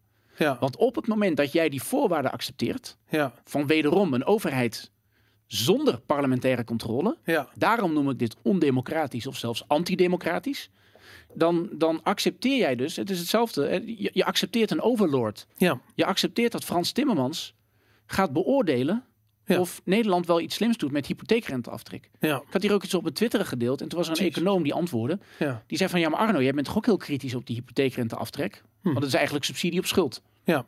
Helemaal als je realiseert dat Nederland hele hoge inkomstenbelasting heeft. Ja. Ja, dus wij heffen hele hoge inkomstenbelasting. Daardoor kunnen wij die hypotheekrenteaftrek eh, Ja. faciliteren. En ik, ik vind daar wat van. Ik vind dat niet zo'n heel goed plan. Mhm. En er zijn er mensen die zeggen, ja maar Arno, als je daar kritisch op bent. En Frans Timmermans, die bemoeit zich ermee. En die zegt dat je je klimaatgeld vanwege corona niet krijgt. Als je niet wat doet met die hypotheekrenteaftrek. Dan zou jij dat toch juist goed moeten vinden. ja alleen Waar, ik over val, is dat Frans Timmermans, die heeft, die heeft nooit een democratisch mandaat gekregen ja, om zich hiermee te bemoeien. Ja. Hij is Maar- niet de Nederlands minister van Financiën. Maar dat gaat ook niet alles oplossen, toch? Ik denk niet dat een democratische rechtsstaat in Europa dit soort dingen gaat tegenhouden. Nee, maar daarom zou die macht nooit op Europees niveau moeten liggen. Ja. Nee, precies. De Europese Commissie moet niet over dingen gaan. En dat is die subsidiariteit van waar ga jij over? Ja. Ja. Dus de Europese Commissie die trekt. De, want het gaat, over dat, het gaat over dat RFF, hè? Ja. Dus je krijgt dat geld uit je RFF om energiehonger te Mhm. bestrijden. Dat gaat hierover, maar dan moet Nederland iets doen met, met, eh, dus met, met de hypotheekrenteaftrek en de zelfstandige aftrek. Ehm, dat, waarom, waarom gaat die Europese Commissie daarover? Dat Ja. is het hele punt. Dus die geef je die macht. Dus je hebt nu een, een buitenlandse externe entiteit. Heb je het recht gegeven om jouw begroting te beoordelen? Ja, het, is, het is krankzinnig. En dat is die. En nou, het laatste wat ik hier nog over dan kan laten zien is die. ehm, dat staat ook in die subsidiarity van oké, waarom moet Brussel zich dan heel erg. Dit is, komt allemaal uit dat klimaatplan, hè? Mhm. Dus je hebt to avoid national choice. Dat is waar het over gaat. Dus stel dat je dat het ene land besluit om ehm, bijvoorbeeld een bepaalde energiebelasting vanwege het klimaat of zo niet in te voeren en een ander land doet dat wel. Mhm. Je ziet dat bij verschillen op accijnsen in, eh, op benzine. Dan zou dat een marktverstorend effect kunnen hebben. Want dan ga je naar Duitsland rijden om daar te tanken. Ja, En daarom wordt er gezegd, ja, om die marktverstoring ehm, tegen te gaan, moeten we avoid national choices. ja, Maar dan liggen die choices, die liggen dan automatisch subsidiair bij de Europese Commissie Mhm. in Brussel, wederom, waar je geen parlement hebt. Ja. Feitelijk een, geen, geen parlement. En daar gaat dit dus over. En het stomme is dat er zijn heel veel andere onderwerpen waarbij je wel degelijk marktverstoring hebt. Denk bijvoorbeeld aan het verschil in minimumloon in Europa. Ja. Ehm, wat, wat een enorme impact heeft natuurlijk op je, ook op je arbeidsmigratie. Subsidie van lonen. Subsidies eh, enzovoort, bedenk het maar. Ja. Dat is altijd, altijd acceptabel geweest. Nu, omdat we corona hebben, zeggen we nou oké, corona laat zien dat we iets met klimaat en digitaal moeten doen. Mhm. Ehm, dus moeten we accepteren dat de national choice weggaat. Ja. En subsidiair, waarom mag de Europese Commissie erover gaan? Omdat zij die belastingverhoging opleggen en daardoor energiearmoede creëren. Ja. Dat is waarom dit re- rechtmatig is. En dat, Ja. dat pikken mensen. In, oh die QR-app, hier had ik dat puntje al genoemd, want we hadden eventjes gebeld hierover dat je het erover wilde hebben. Mhm. Nou, en dan, dan, dan krijg je dat geld dus pas inderdaad als je, eh, als je doet wat Timmermans wil over de hypotheekrenteaftrek. Ja. En ik had nog die, die app, die wordt hier ook uitgefinancierd. Eh, ik laat deze even weg. 25 miljoen als ik goed. Ja, dit is, de, dit is gewoon een Kamerbrief Mhm. eh, over de European Digital Identity. En dit is, eh, dit is gewoon een, een officieel stuk van de regering. Je ziet het kenmerk er rechts staan, dus je kunt het downloaden zelf, je kunt het opzoeken. Ehm, en dan wordt er gezegd van, nou, waarom is dit er? Mhm. Ehm, en er wordt gezegd van, ja, de digital identity op Europees niveau. Het is dus niet alleen een speerpunt in de digital strategy van de commissie. Let op dat woord Mhm. digital strategy van de commissie. Maar ook een van de belangrijkste aandachtspunten van de Coalition of the Willing. Dus je hebt een aantal landen in de Europese Unie die harder vooruit willen met die Europese identiteit in die QR-code dan anderen. Ja. En dan staat er waarvan Nederland samen met, voorland, met Finland trekker is van dit thema. Bizar. Ja. Dus het is dus niet zo dat de Europese Commissie iets doet wat Nederland niet wil. Rutte, die zegt tegen zijn kiezer van, nou, ik zal, eh, als ik in Brussel ben, zal ik een beetje op de centen letten. Eh, want wat, wat eh, dan zegt hij al dat soort stoere dingen van, onze keuzes maken we zelf, maar wij verdienen ons geld in Europa. dus wij verkopen daar onze komkommers en onze tomaten. Mhm. En hè, dus Brussel moet doen waar het voor nodig is en waar het goed voor is. Oké, nou, Maar dat is dus niet waar. Hij, wil, hij is een voortrekker, dus hij gaat naar die Europese Raad. waarom? Waarom? Waarom? Hij vindt dit. Rutte vindt dit. Maar Rutte waarom? wil. eh, dat, is, dat zegt hij dus niet. Alleen dat is dus het problematische met iemand die constant loopt te liegen. Ja. Hij zal ontkennen. Ook als je. Ik heb hem wel eens bij verkiezingsbijeenkomsten. Heb ik hem hier ook iets over gevraagd een keer. Mhm. En dan zegt hij van nee, ik vind dit niet. Ik, eh, ik ben hier geen. is- Vervolgens stelt hij dit op. Gaat hij naar de Europese Raad. Mhm. Loopt hij die anderen op te naaien. Ja. Dat zal gebeuren achter die deuren. Want je, je, hoeft, je kunt ook zeggen, ik ben geen voortrekker. Hè? Ja. Dan komt, oké, nou oké Mark, als jij dat zo graag wil, dan hebben we de Europese digitale identiteit. Ja. En dan wordt dat over ons uitgerold. Ja. Maar daar komt het vandaan. Het is die Europese Raad en, en Rutte die wil dit. Maar je als- ziet ook dat die, die dat Ja. Shaping Europe's Digital Future, als je dan gewoon daar je inschrijft voor die persberichten, Mhm. dan staat er de EU Digital COVID Cert- Certificate. Daar is je QR-app. Ja. Daar komt die vandaan. En dit komt al uit 2014. Ja, dat is. het is fucking insane dat dit, dat dit al zo lang voorbereid wordt. Ja, En maar nu begrijp je ook die, die, die, die, die opmerking van COVID is a great opportunity uh, om Dat was deze het ook, shit ja. uit te rollen, want het lag al klaar. hij zegt het nota bene. Ja, hij zegt het letterlijk. Hey, maar, maar dan nog één ding, want in mijn beleving, en misschien ben ik veel te simplistisch daarin, maar heb ik die dingen aan elkaar gekoppeld. Ehm, die CBDC, het uitrollen van die CBDC, die Central Mhm. Bank Digital Currency, kan niet zonder een digitale wallet waar ook je ID in zit. Ja, want je moet weten wie wie is. Daarom. En je moet Maar- ook weten wie, eh, bij wie, welk elektronisch patiëntendossier iemand hoort. Ja, Dus maar daarom heb je een Europees gekoppeld. duidelijk. Maar die CBDC, die Central Bank Digital Currency, moet er komen als antwoord op het in elkaar klappen van de euro en ook andere eh, Ja. fiat. eh, Maar zo heb je alles bij elkaar. Maar ik zie dat nergens terug. Dus er moet er ergens een push zijn vanuit of de ECB of misschien wel vanuit een lokale centrale bank of van een weet ik van andere soort van, van groep om die eh, eh, Europese digitale identiteit er doorheen te douwen, omdat die als voorwaarde moet dienen voor die CBDC die pas over vier jaar klaar is. Ja, dat, zou- dat zou een stuk eerder kunnen. Hmm. En ik snap ook wel dat als je dat wil, dat je dat niet zo open en bloot op de website zet. Ja, maar oké, dat begrijp ik. Maar waarom? ehm, eh, kijk, Rutte ligt er nu al over. Ehm, waarom zie je dat niet terug? Kijk, als dit allemaal open en bloot eh, terug te vinden is, dan eh, met data erbij waarin dit allemaal begonnen is, waarom is de waarom is het uitrollen van die identiteit in combinatie met die central bank digital currency niet verder besproken? Maar dat hoeft toch niet? Want in feite je hebt, je hebt twee treinen die bij hetzelfde punt aankomen. Ja, ja Dus- behalve dat de, de vaart, daar gaat het me om. Dus aan de ene kant hebben ze gezegd van oké, die, die Europese Central Bank Digital Currency die is pas over vier jaar klaar. Wat krankzinnig lang is. Als Dat je kan kijkt. veel eerder. Ja, dat, dat begrijp ik. Maar dat kan alleen veel eerder als we eerder die, eh, die paspoorten er doorheen Ja, die, maar dat is, dus een, dat is dus de volgende stap. Dan staat er dus ook van. eh, gewoon, dat is gewoon, gewoon een persbericht van: hey, we hebben nu die de EU Digital Certificate, Ja, een global standard. En dan staat ja, next steps, van we gaan hiermee door. ja. Dus het idee dat, dat, dat die app dat die weggaat als corona over is en dat we die app moeten accepteren vanwege corona. Het van ja, oké, 1 november is alles, eh, zijn alle maatregelen opgegeven, Ja, werd een keer gezegd. Helemaal niet. nee. In oktober, dus voor die 1 november, Mhm. werd er al gezegd van nee. eh, Want iedereen moet die kut-app geïnstalleerd hebben, want Ja. anders kunnen ze die CBDC niet uitrollen. Exact. En dan staat er van. ehm, en dan staat hier ook van next steps. We gaan allemaal volgende stappen eh, eh, invoeren. Ja, e-health network. Ja, additional countries to the EU system. Ja. Dus dat hele systeem, wat die infrastructuur die je dan hebt gebouwd. En waar je dus jaren mee bezig bent om dat voor, voor te bereiden, als die er eenmaal is, dan ga je daarmee door. Ja, En dan in 31 maart 2022.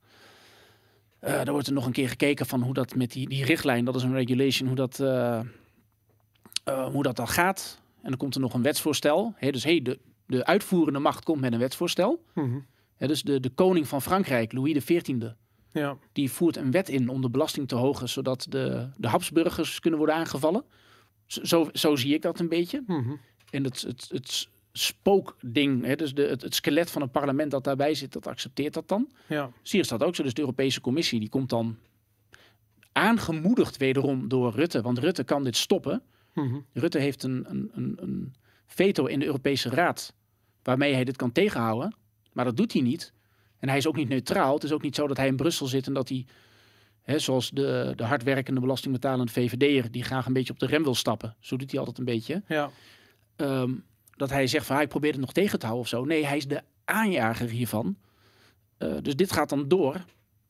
Daarom kan dat gebeuren. En dan worden er dus meer landen bij aangesloten. En die, die hele eh, infrastructuur, die valt dus onder de European Digital Identity. Ja. En straks kun je dus inderdaad aan jouw app, die je dan toch al op je telefoon hebt. Want dan noem je dat ding anders. Dan zeg je van, oké, je mag wel weer naar de sportschool zonder die corona-app. Ja. Maar dan heb je wel die infrastructuur. Die app, gewoon exact hetzelfde. Die noem je dan EU Identity Wallet. Ja, omdat we vanwege de energiekosten allemaal niet meer rond kunnen komen. Ja, krijgt echt. iedereen zijn Kun je, daar, EU-subsidie. kun je daar je uitkering aanvragen. Precies, ja. En het is nu, als je nu inlogt op je DigiD, Ja, dan is dat Europese identiteitsding, ja. dat is daar al aan gekoppeld. ja Je kunt, nu al, je kunt nu al digitaal inloggen Ja. op die Europese identiteit. En die Europese identiteit is gekoppeld aan je DigiD.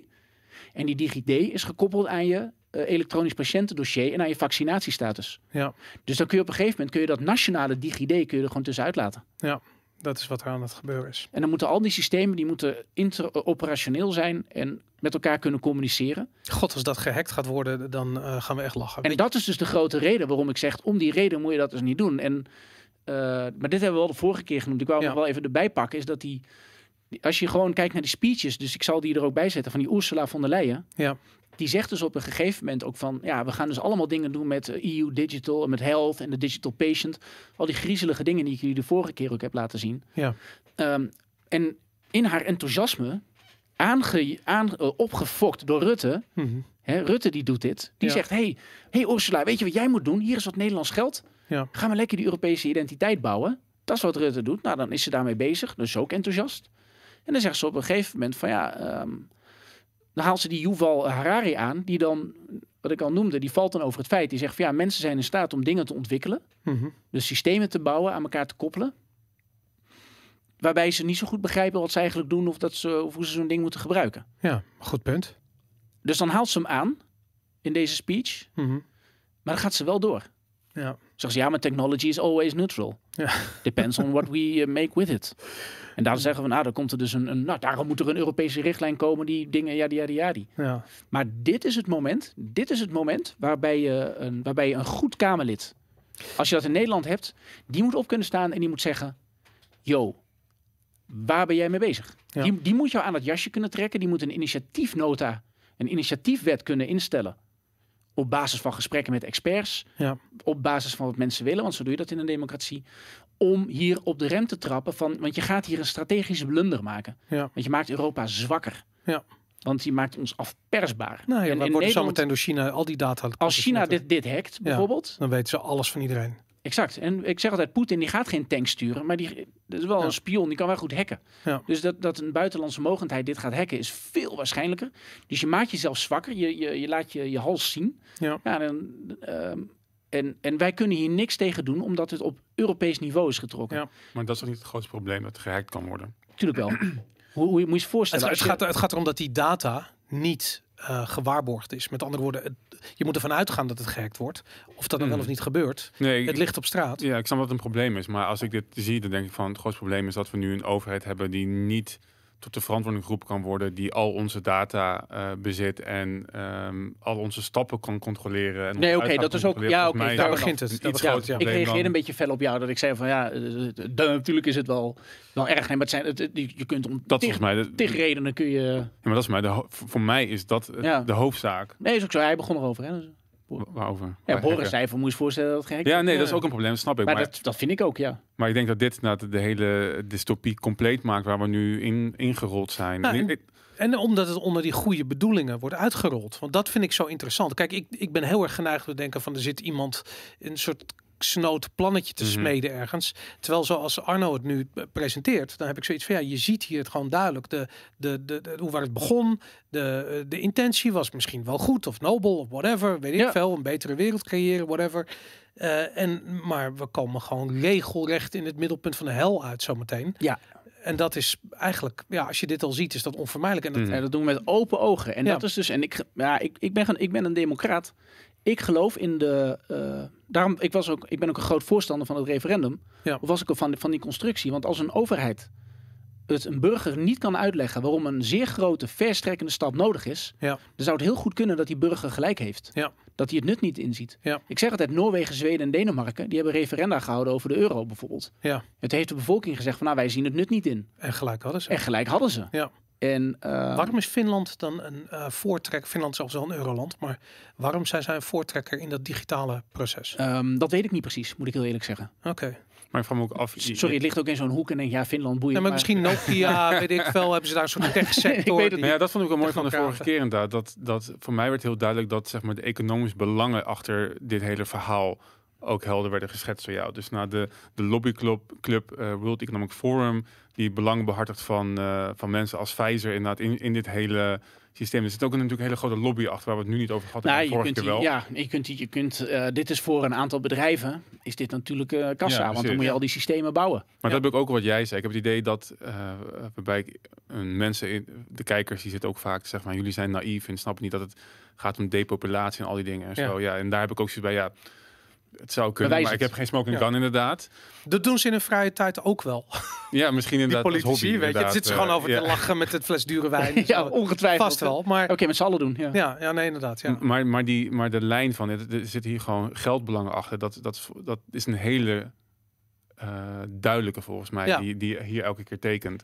Maar wat ik me afvraag, want jij zegt de hele tijd van ja, de oplossing hier is democratie. Maar ik vraag me af of dat de oplossing is. Ik denk niet dat we met een democratie dit probleem gaan oplossen. Want met die democratie zijn we ook hier gekomen. Ben je er ook? Ja, dat, En volgens Ja. mij is dus de grap dat je een, een staatsinrichting moet gaan krijgen waarbij gewoon bepaalde rechten onomvreemdbaar zijn. ja. Ongeacht of de meerderheid van de mensen daarvoor stemt of niet. ja, maar dan moeten, die, dan moeten die rechten die moeten bestaan en dan Ja. moet iemand er gebruik van kunnen maken. Ja, En precies. dat is waarom je dat artikel eh 225, wa- waarom dat eruit moet. Maar Noorwegen en Wat- Zwitserland, Welk artikel? dus, die, dus dat artikel eh 225, waarbij je zegt, nou, een, een Europarlementariër mag iets vragen en Nee, maar je moet volgens Dus- mij dat, hele, dat hele systeem niet hebben. Je, dat zei je volgens mij ook al. Volgens mij moeten we Ja. teruggaan naar een, een EEG of naar een Ja. Europese Vrijhandelsassociatie, waar Zwitserland ook in zit. Waarbij je dus alleen maar een interne markt hebt en geen bureaucratisch systeem erbovenop. Maar ook in je eigen land moet je gaan naar een systeem met ofwel directe democratie, of in ieder geval een lijstje met onomvreemdbare, onomvreemdbare grondrechten. Ja. Dus niet de, wie hebt dit recht, tenzij iemand een Nee, bestaat en zo anders. niet. Dat bestaat helemaal niet. In Nederland of in Nee, Europa. gewoon in de, in, qua concept. Nou ja, Iets is niet, jawel, per definitie in- niet onontvreembaar. Want iemand, als iemand naar je, naar je toe komt met een grote bijl, dan ben je Nee, oké, dat klopt. Maar dat, dus, dat, dan krijg je een hele andere discussie. Maar als je kijkt naar waar dat het, het meest wordt gewaarborgd, dan, dan kijk ik toch naar Amerika. Ja, ook waarbij oké. je bepaalde grondrechten hebben die gewoon, dat is gewoon van jou. Je, je merkt ook gewoon dat het Omdat land ze anders zelf ook wapens hebben. Ik zweer maar dat, je dat dat komt door de belangrijk grondwet. is. Dat, ja. komt, door- dat komt door de grondwet waar Ja. je wapens in geborgd zijn. En ja. freedom of speech en freedom of eh, assembly en, dat, eh, en de right to bear arms, dat zijn allemaal rechten die een natuurlijke balans geven tegen dit soort ongein. Ja, kijk, ik zou niet willen zeggen dat je dan, dat je dan inderdaad met je wapen moet oplossen. Want als je dan tegen de overheid gaat, dan Ja, maar dat loopt, is, het, loopt dat, het snel af. Maar ik, nou, nee, maar ik, me dus af. Nee, ik, ik, ik begrijp je punt hoor. Maar kijk, in wezen, maar in wezen zeggen we hetzelfde. Van je moet. Het, we hebben gewoon als les uit de geschiedenis hebben we bepaalde democratische grondrechten hebben we opgesteld. Daarom heb je een Ja. grondwet. Ja. En die dingen die moeten heilig zijn voor een reden. Ja. En dus ook als er nu wordt gezegd van ja, corona, nou dan moet je het recht op demonstreren een beetje hè, of eh, integriteit van het lichaam. Ja, zodra je daaraan gaat tornen. Maar da- daarom, dat is eigenlijk denk ik wat, wat Boris zegt. Dat ook al schrijf je het op en snappen wij hier wat het belang is van bepaalde eh, grondrechten. Mhm. Dat betekent niet dat je niet ooit een regering kan hebben. Nou, maar, Zeker je, als de bevolking slaapt die er gewoon aan gaat tornen. maar, je, de- maar je zegt het, de bevolking moet tools hebben om zichzelf te kunnen verdedigen. Nou, je kunt, je kunt Rutte wegstemmen. Nee, ja, ja oké, maar kijk, je kunt zeggen, maar als, we, als het democratische proces kapot is, bijvoorbeeld doordat onze informatievoorziening eh, gecorrumpeerd is, wat we nu zien, dat alle mainstream media eigenlijk hetzelfde pro-Europa verhaaltje aan het, aan het afspelen zijn. Ehm, maar wat, wat, wat voor tools heb je nodig? Je hebt vrijheid van informatievoorziening nodig, je hebt een beveiliging nodig eh, van je informatie, dus encryptie of iets dergelijks. Ja. Je hebt eh, fysieke beveiliging nodig, dus je wapenbezit is daarom essentieel. Ehm, en dan kun je, je kunt best wel zeggen van nou misschien iets minder wapenbezit of onder iets meer voorwaarden en iets meer, maar dan krijgen we iets meer, weet ik veel, financiële onafhankelijkheid met encryptie, weet ik veel, bitcoin, whatever, krijgen we zoiets terug. Het maakt niet zoveel uit, maar het gaat erom dat de overheid op dit ogenblik al onze tools heeft afgenomen, inclusief juridische tools. Maar die kun, je kunt dat terugpakken. En je hebt, het is puur juridisch gezien. Als we, als we nu aan zijn gekomen op een, op een punt waarbij door briefstemmen eigenlijk we niet meer helder en transparant hebben hoe het democratisch proces verloopt. Vervolgens hebben we een rechtelijke macht die niet ingrijpt op het moment dat de eh, grondrecht eh, geschonden wordt. Wat is er dan nog over? Een dysfunctionerend parlement sinds, weet ik veel. Dat ook nog eens een keertje. Ja, nee, de, ook daar, eh, kijk, dan heel frank, heel cru gezegd, maar misschien moet het dan nog eerst slechter gaan. Hm. En ik denk wel dat op dat de En wat gaat er dan gebeuren als het nog slechter gaat? dat mensen dan wakker worden en dat ze dit soort filmpjes gaan kijken. Als de mensen straks hun energierekening niet kunnen gaan betalen en ze moeten een uitkering aanvragen ergens, Ja. Eh, dat ze zich dan afvragen van, maar waarom is dat zo? Maar dan is het te laat, want dan zitten ze namelijk vast Ja, in de dan zitten ze digitale aan- ja. identiteit en je krijgt alleen maar uitbetaald en dan krijgen ze die, dan krijgen ze die, eh, ja, ja, niet deze video kijkt. Dat ga je krijgen. Dat, dat ga je wel krijgen, maar tot die tijd, je kan nog wel degelijk dingen doen. Je kunt zeggen, nou, ehm, we gaan, ik, ben, er- ik ben de moeder van Jan Smit uit Volendam. Dat heb ik Ja. al gezegd, die moet hier gewoon aan de macht komen. Ja. Want dat is de persoon die in staat is om te zeggen, dit is niet goed, dat is weg, eh enzovoort. Luisteren ze daarnaar? Ehm, als, dan moet het Nederlandse volk moet zeggen, nou Gerda, jij bent nu de baas. Mhm. En dan gaat ze naar Brussel. En dat kan gewoon, ze kan dit, ze kan een wet, ze kan één, ze kan een wetsvoorstel indienen. Mhm. In Nederland, waardoor je het referendum terugkrijgt. Maar wacht even, dan moet eerst ons demissionair kabinet weg. Ja. Ook de aankomende Dat- dat- voorzienbare toekomst Die niet gaat nooit weg, nee inderdaad. Want ze reageren, regeren nu ook gewoon door. Hè. Dus Maar Rutte zegt het toch, lachend en al. Van, Ja, ik heb meer macht dan macht, ooit. Ja. ik ga nooit meer weg. Dat is ook zo, maar in theorie, ik wil toch, ja, want volgens mij gaan we naar het einde toe. Mhm. Gok ik, maar dat zijn jullie. je kan me zo lang laten doorlullen als je wil, joh, als je dat leuk vindt. Maar de, ehm, in wezen, je kan het doen. Ja. We kunnen dat referendum terugkrijgen. En dan kun je, dan kun je zeggen, nou, eh, oké, in de Europese Raad. Ja. De vertegenwoordiger van Nederland in de Europese Raad, hè, nu is het andersom. Mhm. Rutte vertegenwoordigt de Europese Raad nu in Nederland. Ja. Hij zegt wat hij met zijn vriendjes daar heeft besproken. Ja. En dan zegt hij, Nederland gaat dit nu doen. Daarom is daar die app. Het moet, het moet wel andersom worden. Rutte Ja. moet zeggen, ik heb gezien dat er weerstand is tegen die app. Ja. Om wetenschappelijk gezien goed onderbouwde redenen. Ja. Die we net hebben genoemd. Dus over de, de, de, de, oneigenlijke macht die je krijgt. Over de be- beveiligingsrisico's waar ik toch echt best wel bang voor ben. Mhm. En dan moet Gerda Smit. Dus ik hoop dat zij de- meteen ook de eerste vrouwelijke premier van Nederland. Ja. Die zou dan een referendum moeten houden. Nou wordt het Mhm. een overweldigend nee. En dan gaat ze naar Brussel en dan zegt ze wij doen niet mee. Ja. Wij doen niet mee met deze gekkigheid. Ja. En dan heb je gewoon nog al je oude systemen. Heb je gewoon nog je DigiD. Gewoon nog een Nederlands paspoort waardoor je naar de camping in Frankrijk kunt bij wijze van spreken. Maar dan moet nu het kabinet weg. Dan Ja. hebben we nu nieuwe verkiezingen nodig. Want zelfs met de uitslag van de vorige verkiezingen gaan we deze gerekken niet wegkrijgen. Nee. En dan Ehm, moet Gerda, die moet zich, dus Gerda moet zich aansluiten bij de BBB Ja. of bij de Libertaire Partij. En dan, eh, Ja. Ja, en dan, dan moeten inderdaad, die partijen moeten dan een overweldigende meerderheid. Ja. Terwijl die zijn allemaal nog bezig om aandeel van CDA weg te snoepen. Maar Ja. eh, de VVD is ja, die zijn, nog, die zijn nog een lijk aan het legeroven. Precies. Ja, maar, dat, dat, Sorry dat- voor de vergelijking, maar dat is... maar ja. dat is de pijnlijke conclusie. Dat de mensen die dit doorhebben, dat zijn er zo bitter weinig. Ja, omdat ze dit soort dingen niet kijken, dat ze Netflix kijken. Maar- Nee, maar daarom, da- daarom wil ik wel iedereen die dit kijkt oproepen. Deel dit met je netwerk. Deel dit verhaal met je netwerk. Want het is essentieel in het proces van wakker worden. Ja, ik kijk jullie ook aan. Ik bedoel, Nee, ja, absoluut. Ja. Kijk, nee, ik dan, dan oké, eh, als die camera aanstaat. eh, me- mevrouw Smit, eh, eh, zeer geachte eh, Gerda, kom ons helpen, want eh, dingen zijn niet weg. Er, er moet iets weg. we hebben je nodig. We hebben je Gerda, nodig. Word ja. de eerste premier van Nederland, de eerste vrouwelijke premier. En Ja. ga met die, met die nuchterheid, Volendamse nuchterheid, ga door die gekkigheid heen. Red ons. Ja. Gerda Smit, red ons. Dat hebben we nodig, absoluut. En Zou ze dit doen? informatie. Ik denk dat ze, zoet, eh, dat ze het zeker doet. Dit Al- krijgen ze wel te zien. Dit gaan mensen... ze gaat dit gewoon, dit ja. wordt gedeeld met Gerda, dat weet ik zeker. Maar aan de andere kant heb ik ook zoiets van, eh, dat moet wel snel gebeuren. Want ook wij worden snel, ja. binnenkort van YouTube afgeschopt. En dan, Dat denk eh, ik ook. Ja, dan, Maar eh, Vo- Volendamse vrouwen, die staan vroeg op. Heb ik gehoord. Oh, nou, dan hoop ik dat ze dit, dit ziet gelijk morgenochtend. Dat zou fijn Ja. zijn, ja. Top.